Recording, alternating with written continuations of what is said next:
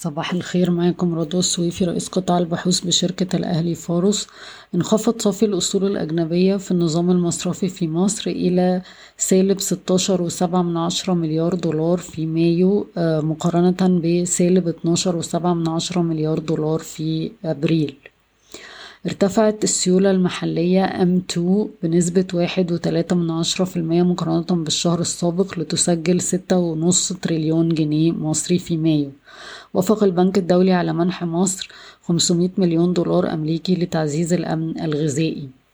آه الحكومة المصرية آه قامت بشراء 815 ألف طن من القمح الفرنسي والروماني والروسي والبلغاري لشحنات في أغسطس وسبتمبر وأكتوبر.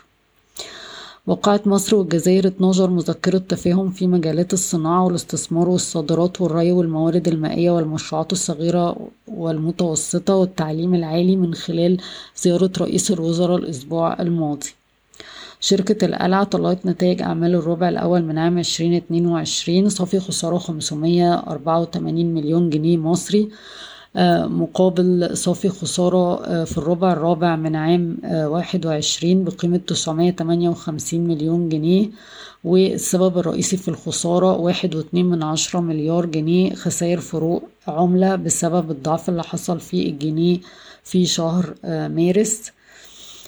والسهم بيتم تداوله عند قيمة منشأة لإبدا ستة ونص مرة.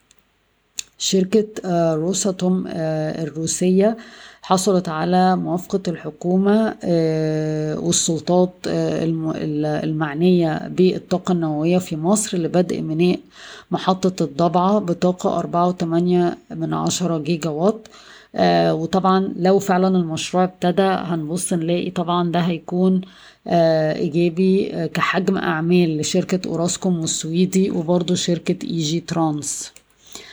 عز Steel خفضت سعر طن الحديد 500 جنيه ستمية وسبعين جنيه شامل ضريبة القيمة المضافة اعتبارا من واحد يوليو في ظل انخفاض آه تكاليف الإنتاج.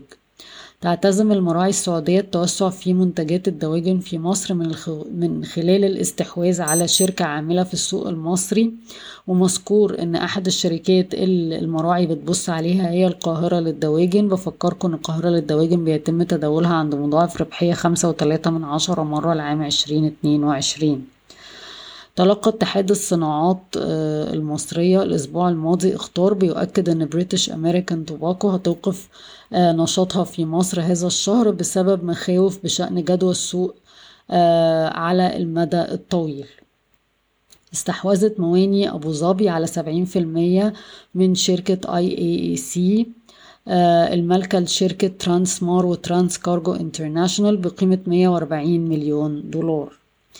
بدأت مصلحة الجمارك الإفراج عن بعض السيارات المحتجزة في المواني تنفيذا لتعليمات رئيس الوزراء.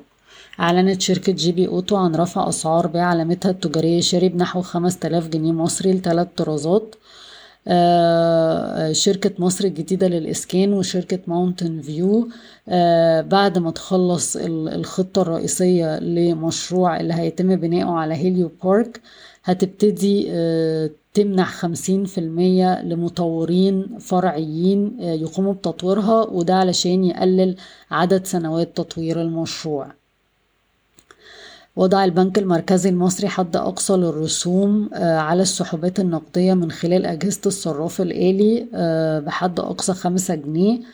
وزود الحد الأقصى للسحب آه، من المكانات آه، غير تابعة للبنك المصدر للبطاقة لأربع تلاف جنيه كما تم تمديد الإعفاء من الرسوم والعملات لجميع خدمات التحويل المصرفي بالجنيه المصري. يخطط صندوق الاستثمارات العامة السعودي بي اي اف لزيادة حصته في رميضة لأكثر من 15% ارتفاعا من حوالي 11% في الوقت الحالي يعني هيضيف على الأقل كمان 4% آه، في خبر في الصحف المحلية أن هيئة الدواء المصرية هتتولى حصريا استيراد الأدوية والكيماويات والمستلزمات الطبية وكمان هي الوحيدة اللي هتوزعها آه، سواء المصنعة محليا أو المستوردة.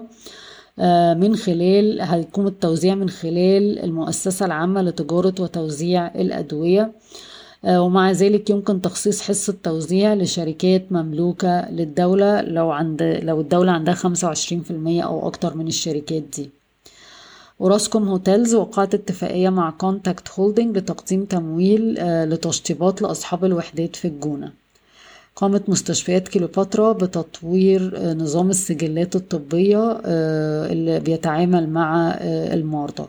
بشكركم ويوم سعيد.